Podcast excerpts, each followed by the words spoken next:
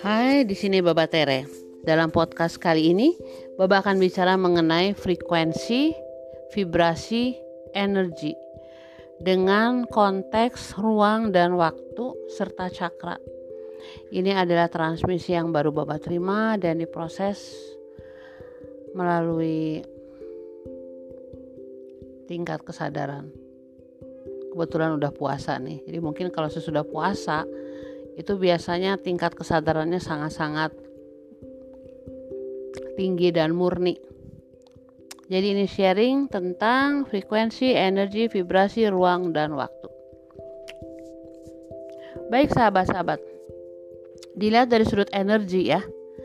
Ya, Tesla bilang loh, kalau kita ingin mengetahui rahasia semesta, pelajarilah frekuensi, vibrasi, dan energi.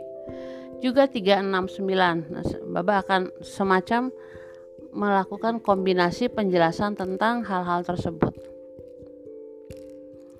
Jadi teman-teman, yang disebut proses hidup secara energetik adalah kita itu melakukan decoding saat menerima energi. Lalu kita menafsirkannya ke dalam bahasa manusia, mengasimilasikannya dalam kehidupan sehari-hari, lalu akhirnya menjadikan energi itu menjadi bagian dari siapa aku. tanpa melupakan bahwa aku berasal juga dari energi. Segala sesuatu itu sifatnya satu akhirnya. Nah, lalu kita masuk dalam suatu lingkaran yang disebut lingkaran menerima dan memberi energi. Nah, hopefully pada satu poin kita lalu meresponsnya dengan kasih dan rasa syukur ya. Tapi itu merupakan suatu perjalanan yang panjang dan untuk itu kita harus mengetahui bagaimana cara kerja energi. Nah, dalam konsep energi itu kita bicara soal suatu tarian ya. Baba sebut tarian 369. Karena dalam konteks tarian 369 kita bisa melihat bahwa tiga itu dalam pikiran kita lebih kecil dari 6, 6 lebih kecil dari 9 tetapi dalam konteks dimensi kelima, tiga tidak lebih baik atau lebih buruk dari enam, juga tidak lebih baik dan lebih buruk dari sembilan. Ya, jadi konotasinya adalah kita berada di suatu frekuensi dengan tarian 369 dan itu adalah tarian ups and downs tetapi dia tidak ada hubungannya dengan baik atau buruk, benar atau salah melampaui nilai-nilai judgment dimensi ketiga ya tentang dualistik yang sifatnya konfliktual. Nah, jadi di dalam konteks merespons hadirnya energi itu ada yang kita sebut suatu proses indulating. Ya, indulating adalah suatu proses di mana ada gerakan naik dan turun yang bersifat tidak konstan karena nggak ada yang konstan ya dalam hal energetik. Dia selalu menari dan selalu berubah-ubah bentuk. Tetapi di satu sisi ada apa yang kita sebut inersia inersia itu adalah suatu keinginan untuk mempertahankan segala sesuatu supaya tidak berubah. Jadi dalam kehidupan kita tuh kadang-kadang kita nggak mau melakukan apa pun karena kalau kita melakukan apa pun sesuatu ya, kalau kita melakukan sesuatu itu kita merasa kita harus berubah dan kita nggak mau berubah. Nah, dua hal ini harus kita sadari pada saat kita bicara soal vibrasi dan frekuensi. Karena kita melewati apa yang disebut indulating yaitu gerakan naik dan turun yang tidak konstan, tetapi ada sisi kemanusiaan kita yang nggak pengen berubah, kita pengen diem. Kalau misalnya kita ada di puncak 9 maka kita inginnya tetap di puncak 9 kita nggak mau turun ke bawah. Kita pengen tetap di atas. Nah, itu sesuatu yang tidak bisa dilakukan karena dalam tarian semesta itu ada yang disebut pulling dan pushing. Nah pulling dan pushing itu dia itu mendorong kita naik ke atas tapi kalau kita tetap ada di atas, itu kita nggak dapat makanan. Karena makanan kita itu berasal dari bawah ya. Misalnya kita itu eh, tetap ada di puncak siklus 99 lalu kita nggak mau turun ke bawah melewati garis zero point lalu sampai pada titik min 9 lalu kita ingin loncat. Dari satu bukit ke bukit lain nggak bisa. Karena energinya itu ada di saat kita ada di bawah ya. Saya akan jelaskan lebih lanjut tentang itu. Nah jadi kalau secara energetik hidup adalah suatu percakapan conversation hidup adalah suatu conversation adalah suatu ekspresi adalah manifestasi dari energi yang dirasa di dalam diri kita dengan pada saat dia menari dengan energi yang ada di luar diri kita. Lalu ada proses asimilasi antara energi yang ada di dalam diri kita dan ada yang di luar diri kita. Itu yang menjadikan siapa diri aku. Jadi aku adalah tarian antara energi yang dirasa di dalam diri dan energi yang diterima dari luar diri. Ya, as within, so without. Idealnya seperti itu. Nah, di dalam proses hidup sebagai suatu percakapan itu seakan-akan ada dua sisi. Tapi bukan dua sisi yang akhirnya disebut awal dan akhir, alfa dan omega, tapi dua sisi yang lalu dia berputar kembali seperti spiral. Nah, dua sisi itu yang disebut saat bangun dan saat tidur. Ya, saat awake dan saat sleep kalau orang berkata, "Wah, saya sudah awakening nih sejak tahun sekian sekian sekian." Itu jangan berpikir bahwa nanti dia nggak akan kembali tertidur lagi. Dia akan kembali tertidur lagi. Karena ada suatu proses jiwa yang mengharuskan dia turun ke bawah lagi untuk tidur lagi sebelum dia naik ke atas lagi untuk bangun. Ya. Jadi proses proses awakening itu adalah suatu tarian semesta di mana ada awakening, lalu ke bawah lagi, lalu tidur lagi, sleeping ya, lalu reawakening, lalu re-sleeping terus, lalu reawakening terus seperti suatu siklus di dalam uh, suatu uh, apa namanya tarian, tarian semesta ya, tarian 369. So, ups and down, ups and down, ups and down seperti itu ya. Nah, antara bangun dan tidur itu ada suatu intensi energi. Nah, intensi energi itu kita itu ingin mengintensikannya sebagai suatu service atau pelayanan ke bumi, ke planet, ke dunia. Karena kita semua itu ada dalam kontrak jiwa. Dan di dalam kontrak jiwa itu kita boleh memilih kita boleh memilih jalur pelayanan positif atau jalur pelayanan negatif.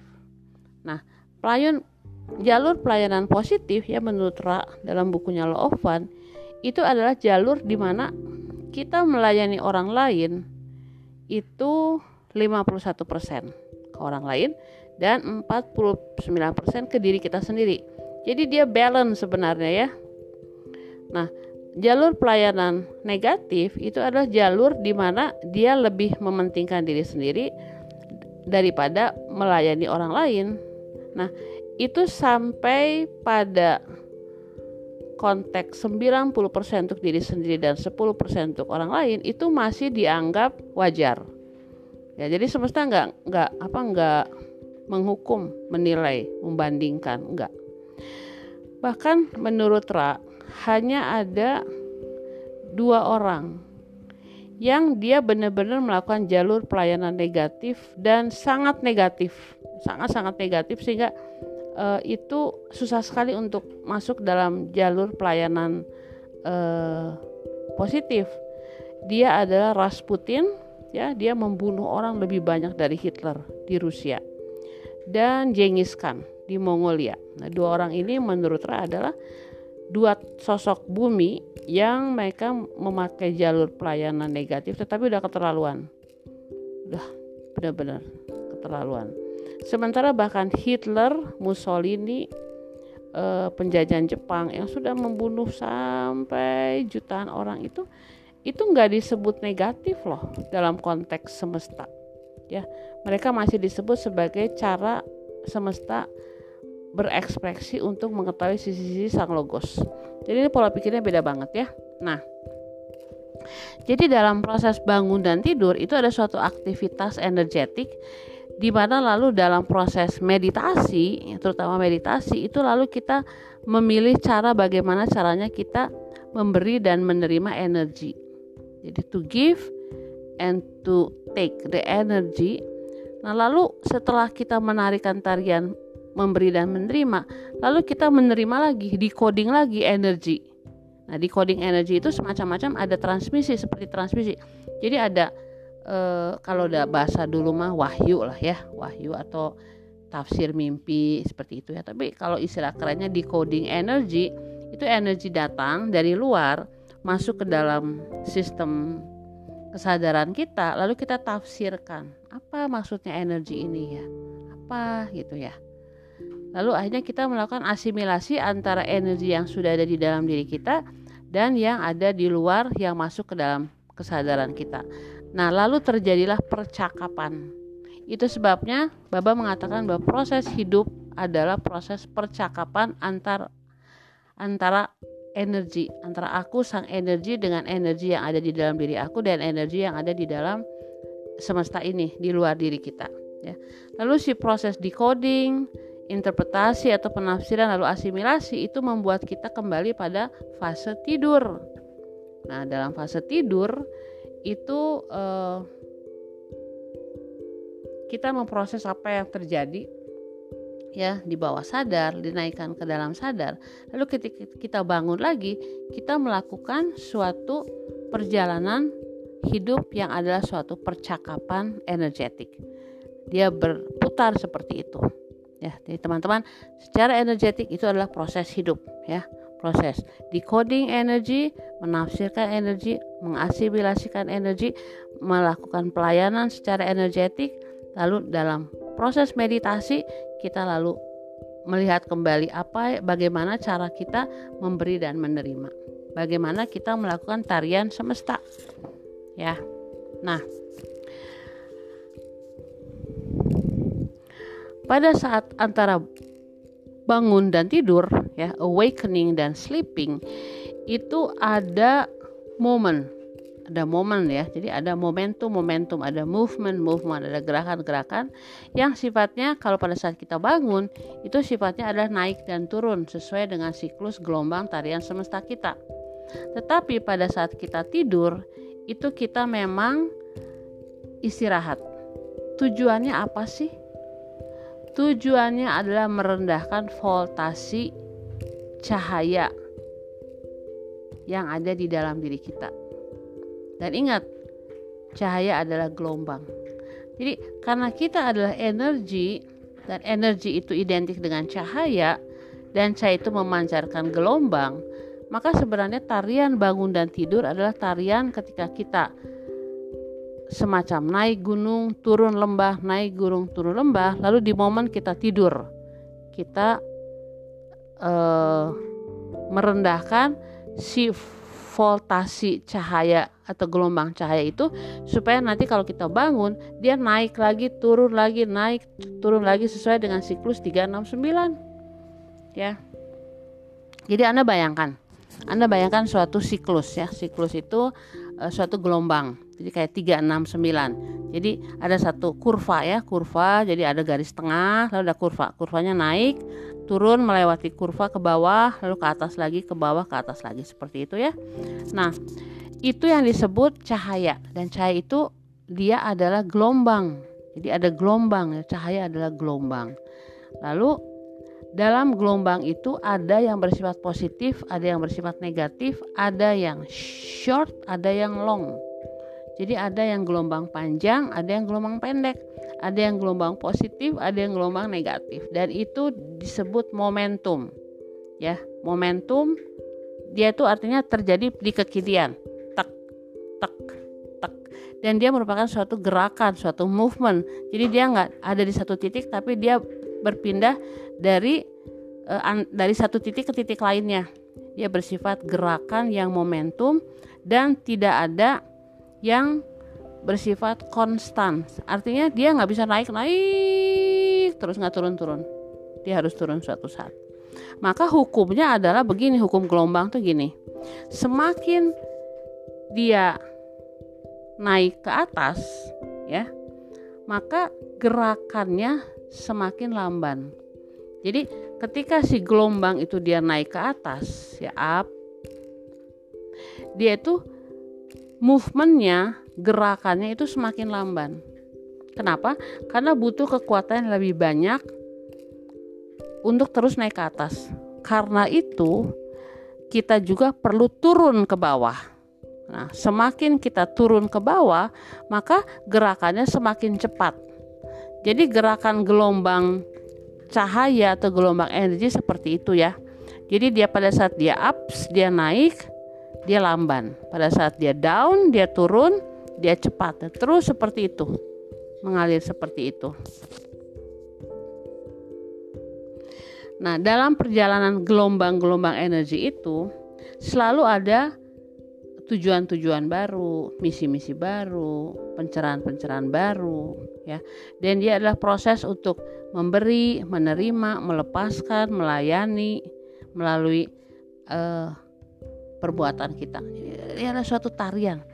Tarian gelombang adalah tarian naik turun, cepat lambat, panjang pendek, positif negatif dan dalam proses itu ekspresi fisik kita adalah memberi menerima, melepaskan, melayani ya, mencintai dan lain-lain. Seperti itu.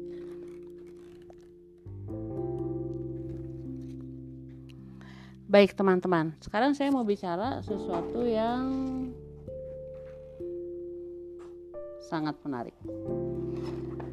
Jadi kalau Anda sudah membayangkan bahwa dalam kehidupan Anda sebagai makhluk energi itu Anda masuk dalam gelombang-gelombang energi ya.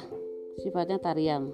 Tarian 369 ups and down cepat lambat cepat lambat positif negatif ya. Seperti itu nah dan dia itu sifatnya selalu mengulang kembali.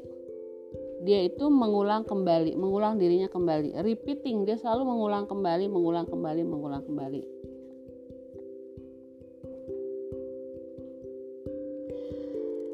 Nah, siklus ini dia tidak bisa uh, terelakkan, dia harus kita alami. Walaupun kita nggak menyadarinya, dia selalu seperti itu. Jadi ada energi cahaya yang bergerak dalam gelombang dan berbentuk spiral di mana dia naik dan turun. Nah, saya ulangi lagi. Jadi pada saat dia turun, sebenarnya si gelombang cahaya itu memberikan momentum dan kecepatan untuk melalui kurva-kurva sehingga nanti dia punya kekuatan energetik untuk naik kembali ke atas. Jadi gerakan ke bawah atau gerakan down itu sangat-sangat penting dalam gelombang cahaya, sangat-sangat penting. Nah, sehingga akhirnya kita belajar bahwa pada saat kita mempunyai momen sukses di atas, momen sukses itu tidak bisa terjadi kalau tidak ada krisis yang mendahulunya. Kata krisis adalah kata kunci. Kata kunci. Jadi dalam konteks semesta itu kata krisis itu penting banget ya. Saya pernah bicara di video lain tentang dialog antara Archangel Michael sama Archangel Lucifer. Kedua-duanya makhluk cahaya, ya. Nggak ada yang evil, nggak ada yang baik. Kedua-duanya baik. Nah, tapi dalam percakapan Michael itu ingin supaya manusia itu menjalani proses selama ribuan-ribuan tahun tanpa intervensi. Jadi biarkanlah dia belajar dengan sendirinya, jadi batu, jadi tanah, jadi pohon, jadi binatang, jadi manusia, manusia dimensi tiga, dimensi tiga, entah kapan ribuan, ribuan, puluhan ribu, ratusan ribu tahun nanti naik ke dimensi empat, lima dan seterusnya. Itu Archangel Michael. Tetapi Lucifer nggak gitu Lucifer bilang gini kasihan kalau suatu energi itu tidak di uh, intervensi melalui krisis maka terlalu lama prosesnya. Maka dibuatlah krisis ya. Krisis itu kematian krisis itu kemiskinan ketakutan. Nah itu, itu namanya krisis. Dan krisis merupakan kunci sukses dalam pencerahan. Karena melalui kegagalan kita tahu caranya naik ke atas.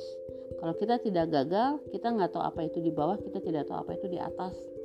Nah, dalam konteks ini, maka sebenarnya eh, krisis itu sesuatu yang penting. Nah, Baba dalam konteks podcast ini memang mau bicara soal kenapa kita harus nyaman berada di titik bawah. Mengapa kita harus nyaman berada di kurva bawah? Yang nggak bisa selalu di atas terus. Nah, baik. Jadi kesimpulan sementara adalah hidup adalah gelombang energi yang secara konstan naik dan turun. Ya. Nah, pada saat gelombang energi itu kita stop walaupun sejenak, itu disebut serangan jantung atau kematian. Jadi eh, nggak uh, apa-apa juga sih kematian. Kok nanti kan dia hidup lagi lalu mengalami hal yang sama lagi. Tetapi kalau teman-teman membayangkan ya ada suatu uh, spektrum cahaya ya. Spektrum cahaya itu semacam gelombang cahaya. Lalu dia itu lalu didampingi oleh apa yang disebut garis frekuensi. Jadi di spektrum cahaya itu ada garis frekuensi. Nah garis frekuensi ini berfungsi ya untuk apa? Untuk memperlihatkan kecepatan dalam vibrasi gelombang tersebut nah maka si frekuensi itu dia itu sifatnya naik dan turun. Sifatnya naik dan turun. Karena dia nggak dia bukan garis lurus ya tapi dia merupakan sesuatu yang uh, kurva. Dia merupakan suatu kurva. Nah kalau kita perhatikan ya e, kalau kita lihat materi ya materi. Jadi materi itu bisa dari kutu semut kadal sampai ke ular gajah manusia dan lain-lain nah ternyata dalam konteks dimensi semakin besar sorry dalam konteks frekuensi semakin besar objeknya objek yang tadi saya sebutkan itu semakin lamban frekuensi yang dipancarkan. Tapi semakin kecil objeknya, makin semakin cepat frekuensi yang dipancarkan. Jadi sekarang kita masuk dalam lagi dalam suatu kesadaran tentang kita sebagai objek, kita sebagai materi, itu kita juga memancarkan frekuensi. Frekuensinya dari mana? Dari siklus spektrum cahaya karena kita adalah cahaya. Ya. Seperti itu. Nah, teman-teman, sekarang kita udah setuju ya bahwa kita adalah energi dan nama lain energi adalah cahaya. Jadi, semua yang ada adalah cahaya. Nah, semua yang ada itu melewati ruang-ruang yang dibangun oleh proton. Nah, proton itu adalah partikel utama cahaya. Proton adalah energi yang membuat atom bergerak dan yang menciptakan segala sesuatu di semesta ini melalui magnetisme. Jadi, kalau kita bicara soal cahaya, kita bicara soal partikel utama pembuat cahaya yaitu proton. Nah, dan harus ada gelombang magnetis yang akhirnya dia menciptakan suatu bentuk. Jadi energi yang akan menciptakan suatu materi atau bentuk atau geometri melalui magnet. Nah, lalu apa yang bervibrasi? Yang bervibrasi adalah setiap atom, molekul, atau semua yang mempunyai foton dan photons itu dia melalui vibrasi menciptakan materi. Jadi kita adalah ciptaan dari vibrasi. Ya, kita adalah foton yang adalah uh, energi yang adalah cahaya. Lalu melalui perpaduan antara energi dan vibrasi lalu terlahirlah geometri terlahirlah materi terlahirlah makhluk-makhluk hidup termasuk kita tapi intinya bahwa kita adalah cahaya kita adalah energi jadi mungkin ini agak sulit dimengerti ya tapi kalau kita mulai mencoba untuk melihat sebenarnya segala sesuatu itu berasal dari foton yang akhirnya ber, ber, apa, membentuk atom maka lalu kita tahu yang menciptakan kita adalah cahaya.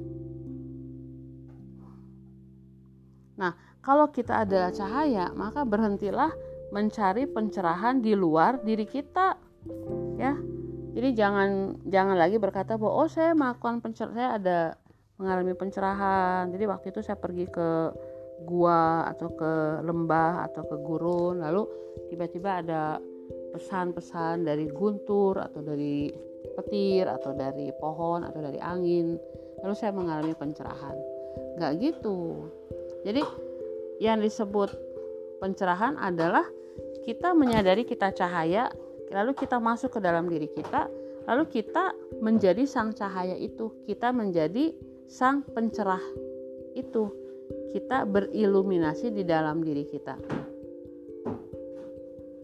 Ya kita nggak usah cari pencerahan di luar sana. Kita mencarinya di antara vibrasi dan gelombang cahaya untuk mencapai pencerahan. Nah, kalau kita gagal menemukan pencerahan di dalam diri kita, itu artinya bahwa belum ada harmonisasi antara kita dengan vibrasi cahaya. Jadi kita bersifat disonansi dengan gelombang-gelombang itu sehingga kita tidak bisa melihat pencerahan itu. Jadi intinya gini sih secara sederhana ya. Ada orang-orang yang meditasi bertahun-tahun. Tapi dia nggak bisa melihat cahaya terang pada saat dia tutup semua panca inderanya dia nggak bisa lihat bertahun-tahun tapi ada saya kenal nih ya anggota baru Wanderer. Itu baru sekitar dua minggu lah gabung sama Wanderer. Lalu dalam meditasi itu tiba-tiba dia bercerita bahwa dia bisa dia bisa mengakses suatu cahaya yang terangnya melebihi terang yang pernah dia lihat dalam kehidupan dia. Dan si terang itu terang banget. Nah itu adalah cahaya yang ada di dalam diri dia Artinya apa? Dia itu resonans dengan gelombang-gelombang eh, cahaya atau energi di dalam dirinya dan di luar dirinya. As within, so without. Jadi kalau Anda ingin meditasi lalu melihat cahaya yang cahaya yang bukan cahaya matahari tapi cahaya semesta, dia terang benderang banget. Nah, itu kuncinya hanya satu anda harus beresonansi dengan gelombang-gelombang yang ada di dalam dan di luar diri kita. Ya. Nah, sekarang jadi setelah kita tahu kita tidak perlu lagi mencari pencerahan di luar diri kita, maka yang kita harus lakukan adalah membuat jalan di dalam diri kita untuk menyeimbangkan diri kita. Lalu kita menemukan enlightenment, cahaya yang ada di dalam diri kita. Nah, salah satu hal, salah satu kunci untuk mengerti itu adalah dengan mengerti apa yang disebut frekuensi. Jadi tadi Baba lebih banyak bicara tentang energi atau cahaya. Sekarang Baba mau bicara soal frekuensi.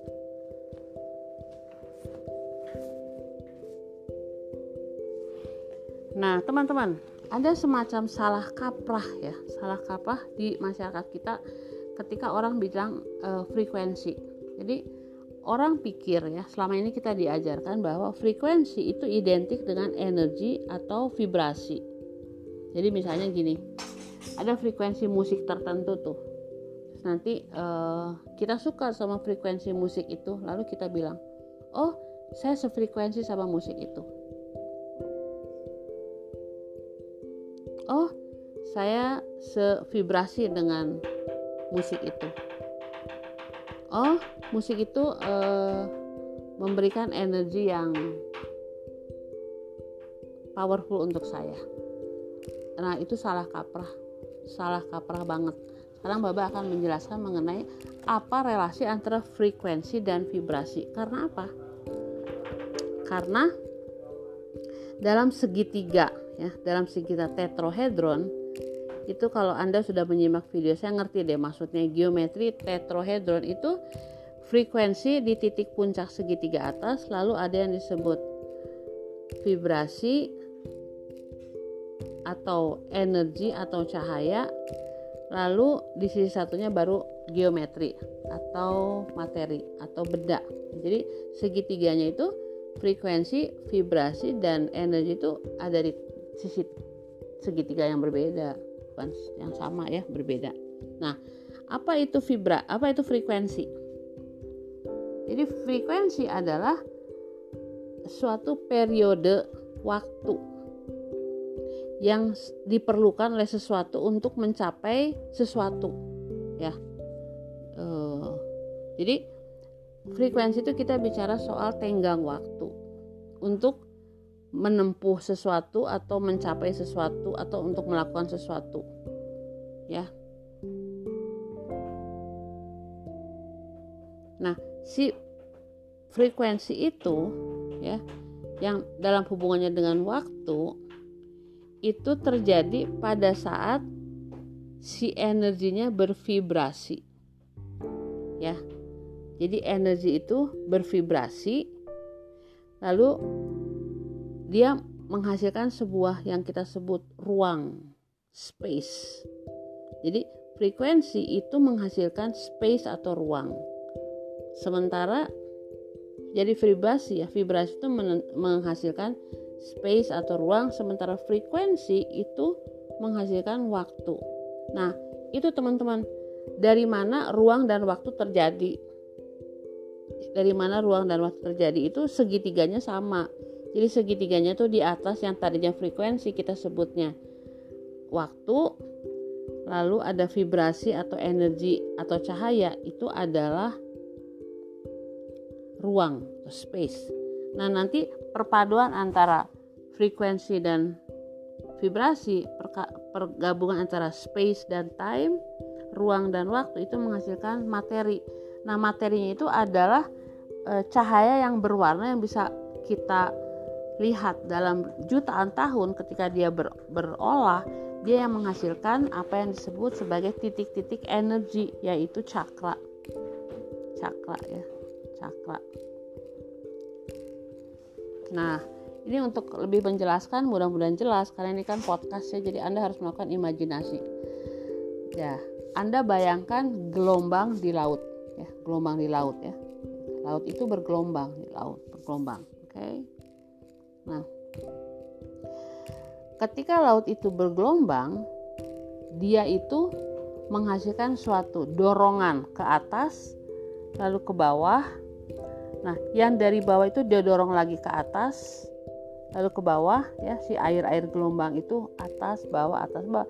Dia menciptakan apa yang disebut ruang. Ya, jadi gini ada laut ya, ada laut, lalu ada gelombang. Gelombangnya naik ke atas kan up. Nah, lalu dia turun ke bawah kan? Karena kan yang ke atas harus ke bawah.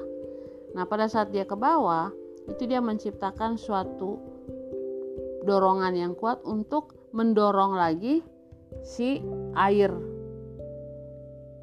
untuk naik ke atas lalu turun lagi ke bawah. Ya, jadi dia membuat sebuah gelombang di laut. Nah, gelombang-gelombang di laut itu disebut ruang. Disebut space. Ya, space. Nah, Nah, space itu dia bervibrasi. Jadi ruang itu dia bervibrasi.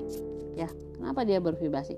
Karena ruang itu dia mempunyai energi dan dia bisa memancarkan cahaya. Cuman kadang-kadang kita nggak bisa lihat cahayanya gitu ya, tergantung tingkat kesadaran kita. Tapi di dalam vibrasi gelombang-gelombang itu terciptalah apa yang disebut ruang. Maka lebih banyak vibrasi, itu apa yang terjadi gelombang-gelombangnya semakin banyak. Nah, lalu apa hubungannya dengan frekuensi. Frekuensi itu kita menghitung. Jadi kita menghitung ya, misalnya naik. Satu turun. Dua naik. Tiga turun. Empat naik. Lima turun. Enam terus. Infinite. Infinite. Maka frekuensi itu adalah satuannya waktu. Karena dia bisa dihitung. Dia bisa dihitung. Misalnya naik satu turun dua naik lagi tiga turun lagi empat. Misalnya hitungannya empat satu dua tiga empat. Maka si frekuensi itu mempunyai periode waktu empat. Ya bisa bukan empat tapi untuk mempermudah mengerti tentang apa itu frekuensi. Frekuensi itu adalah waktu. Dia bisa dihitung tak tak tak tak ya. Nah kalau misalnya si vibrasinya itu terlalu cepat ya naik turun naik turun naik turun naik turun maka si frekuensinya juga lebih pendek perhitungan waktunya lebih pendek dibandingkan dengan misalnya vibrasi yang space-nya itu lebih luas ya naik turun naik turun naik turun. Nanti hitungannya beda. Ya, jadi sebenarnya frekuensi itu yang menghasilkan waktu. Ya, frekuensi menghitung menghasilkan waktu. Makanya kita kalau kita lihat uh, di radio-radio atau di TV gitu ya kita mencari frekuensi itu sebenarnya kita mencari hitungan waktu. Waktu bergelombang sampai ke kitanya berapa? Ada hitungannya berapa hertz? Berapa? Berapa? Dia bisa dihitung dia bisa dihitung ya. Jadi kesimpulannya adalah kalau kita membayangkan antara vibrasi dan frekuensi kita membayangkan laut aja. Lautnya itu adalah vibrasi lautnya. Karena dia akan merupakan ruang dia merupakan space. Nah frekuensinya adalah ketika kita mulai menghitung gelombang-gelombang itu dari atas ke bawah dari momen satu ke momen lain dari up and down up and down up and down itu kita bisa hitung 1 2 3 1 2 3 1 2 3 1 2 3 ya. Jadi eh, itu dasarnya dulu sih dasarnya dulu. Untuk sampai pada pengertian tentang apa yang harus kita lakukan dengan pengetahuan tersebut. Ya. Oke, teman-teman, pengetahuan berikutnya. Ini mungkin yang lebih menarik yang ini nih.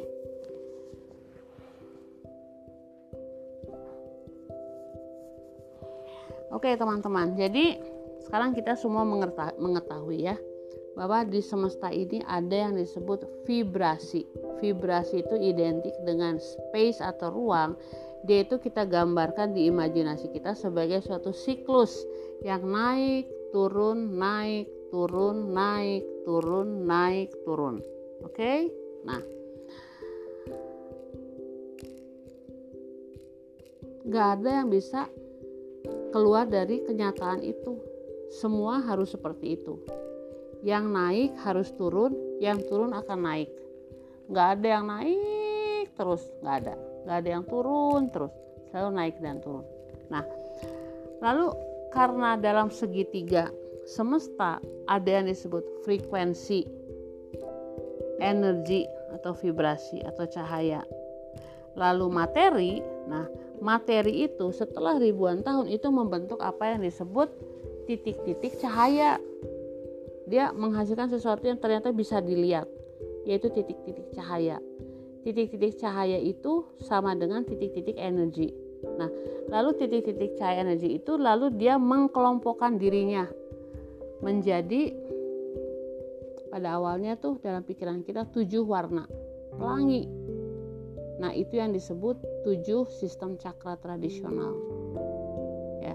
Jadi tujuh sistem cakra tradisional itu berasal dari segitiga sudut kiri yang akhirnya selama ribuan tahun berkaitan dengan frekuensi di atas ya itu lalu bergabung lalu membentukkan suatu materi yang disebut cakra, sistem cakra.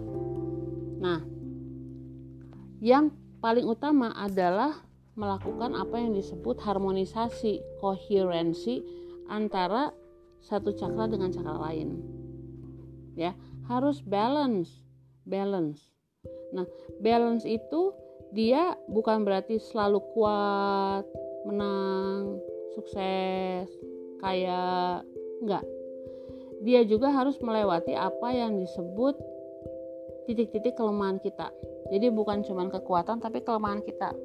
Jadi kita juga merasakan bagaimana sakit hati, terluka, marah, ketakutan dan lain-lain. Itu yang disebut balance.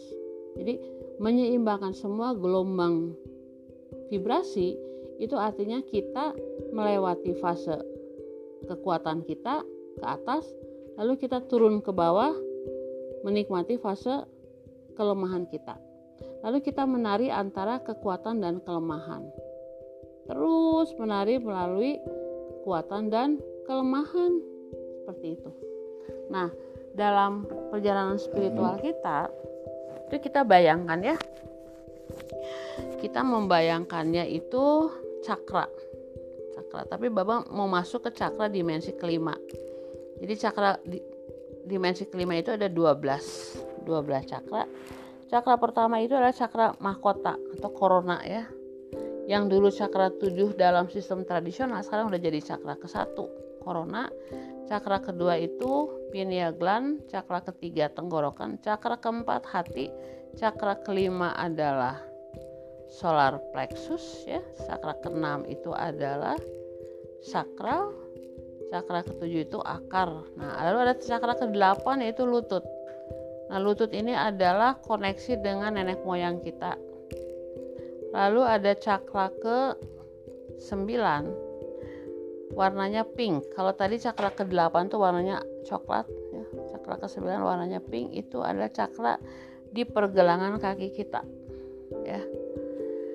Lalu akhirnya ada cakra kembali lagi ke cakra hati ya di cakra keempat tapi dia bersifat uh, toroid toroid atau itu adalah dari cakra hati kita keluarlah gelombang-gelombang elektromagnetik yang mengelilingi sekitar uh, tubuh kita ya namanya cakra toroid jadi toroid itu adalah gelombang elektromagnetik yang ada di sekitar tubuh kita tapi dia terpancar dari hati kita kemudian cakra ke 11 itu ada di bawah kaki kita di bumi ya, di bumi.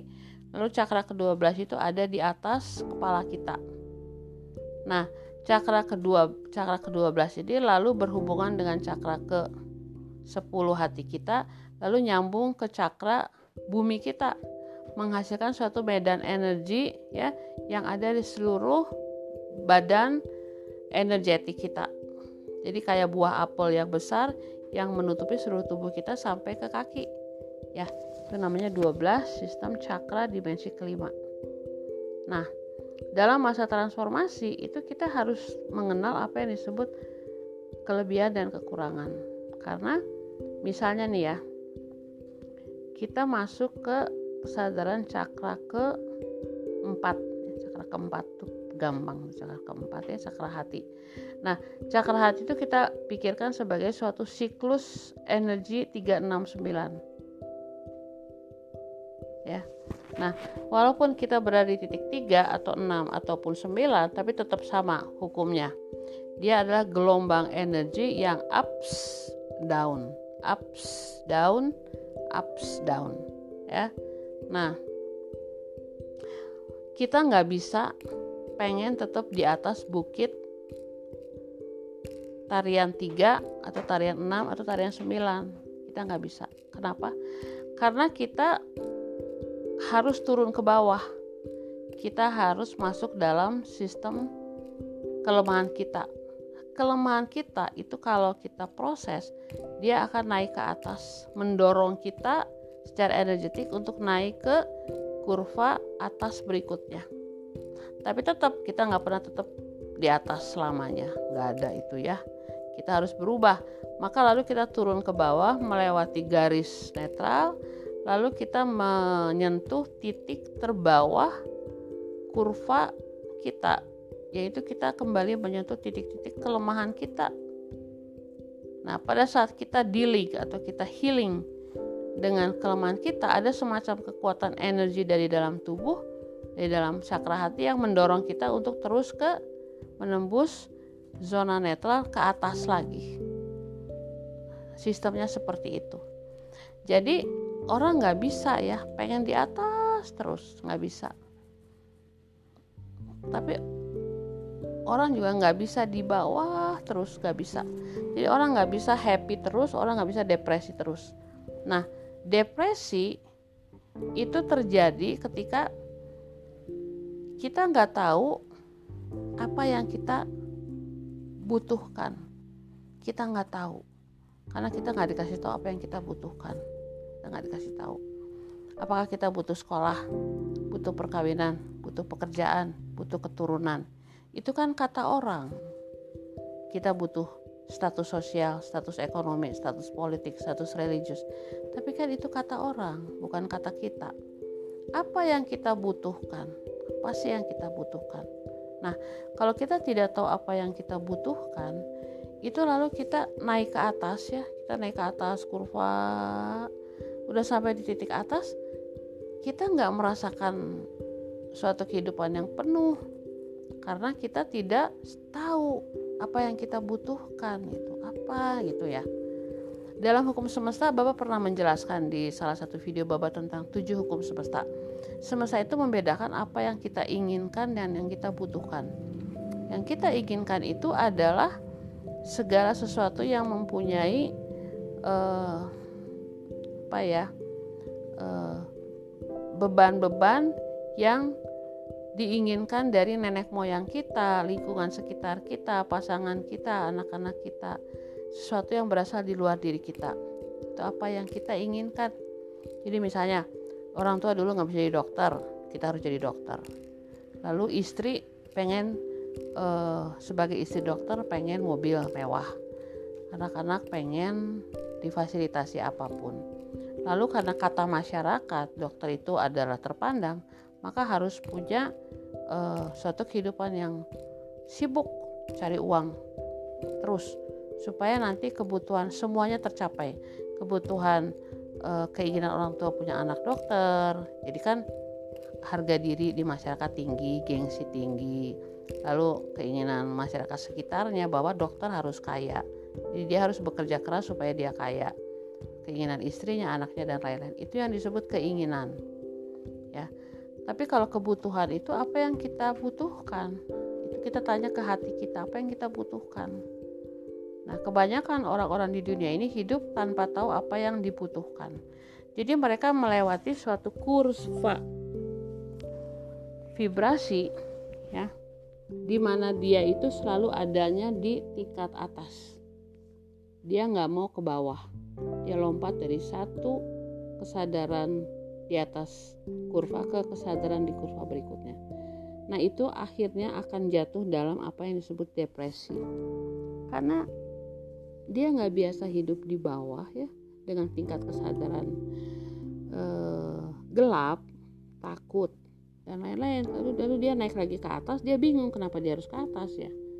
Kenapa gitu? Kok harus gitu? Jadi kayak Matrix, kayak zombie dia nggak punya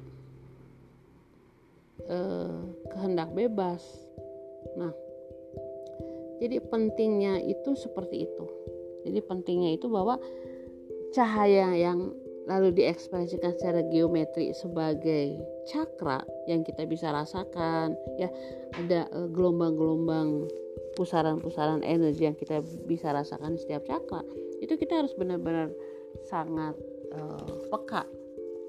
Ya cakra itu ada di kurva atas atau di kurva bawah. Kalau di kurva atas dia itu uh,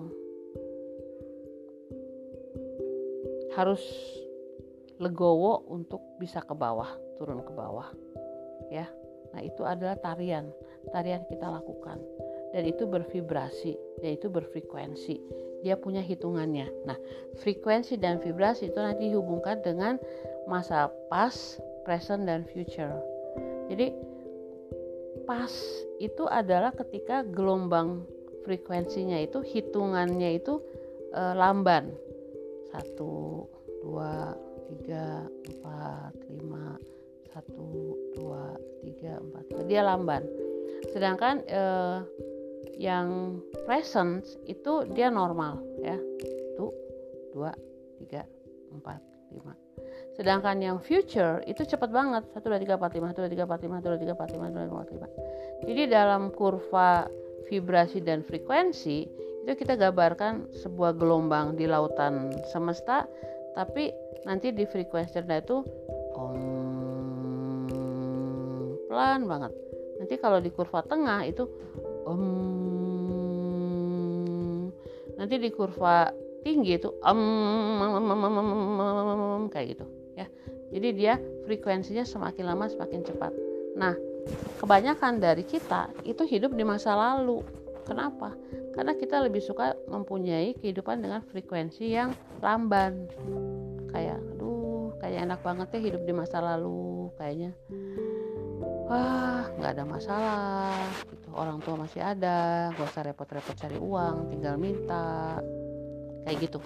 Jadi orang kebanyakan tinggal di masa lalu itu karena uh, si gelombang vibrasi ya di ruang itu dan gelombang uh, itu dia lamban. Dia lamban. Ya dia lamban.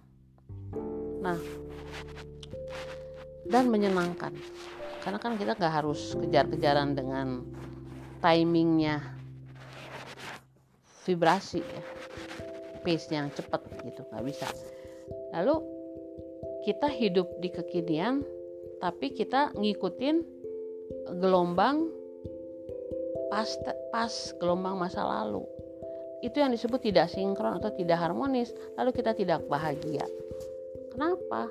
Karena yang tadi saya katakan di awal-awal podcast ini ya. Karena si tarian semesta antara uh, percakapan energi yang ada di luar diri kita dan energi yang di dalam diri kita itu nggak harmonis, nggak sinkron. Lalu kita tidak melakukan percakapan, nggak ada uh, saling memberi dan menerima energi. Decoding energi kita terhambat karena gelombang wave pas live itu lebih lamban daripada yang presence. Sementara yang di decoding itu adalah energy presence. Jadi nggak nyambung nggak nyambung ya. Lalu penafsirannya juga penafsiran berdasarkan masa lalu. Maka gagal berasimilasi melakukan suatu perkawinan antara energi yang dari dalam dan dari luar. Maka hidup kita lalu menjadi statik. Lalu kita tidak bahagia. Lalu kita bingung kenapa kita nggak bahagia. Karena kita tidak mengerti jalan uh, percakapan energetik di semesta ini bahwa segala sesuatu itu merupakan frekuensi dan frekuensi itu adalah space. Ya space atau ruang lalu ada yang disebut frekuensi. Frekuensi itu waktu. Nah antara waktu dan ruang nggak sinkron. Hitungannya udah yang satu wave-nya lamban banget.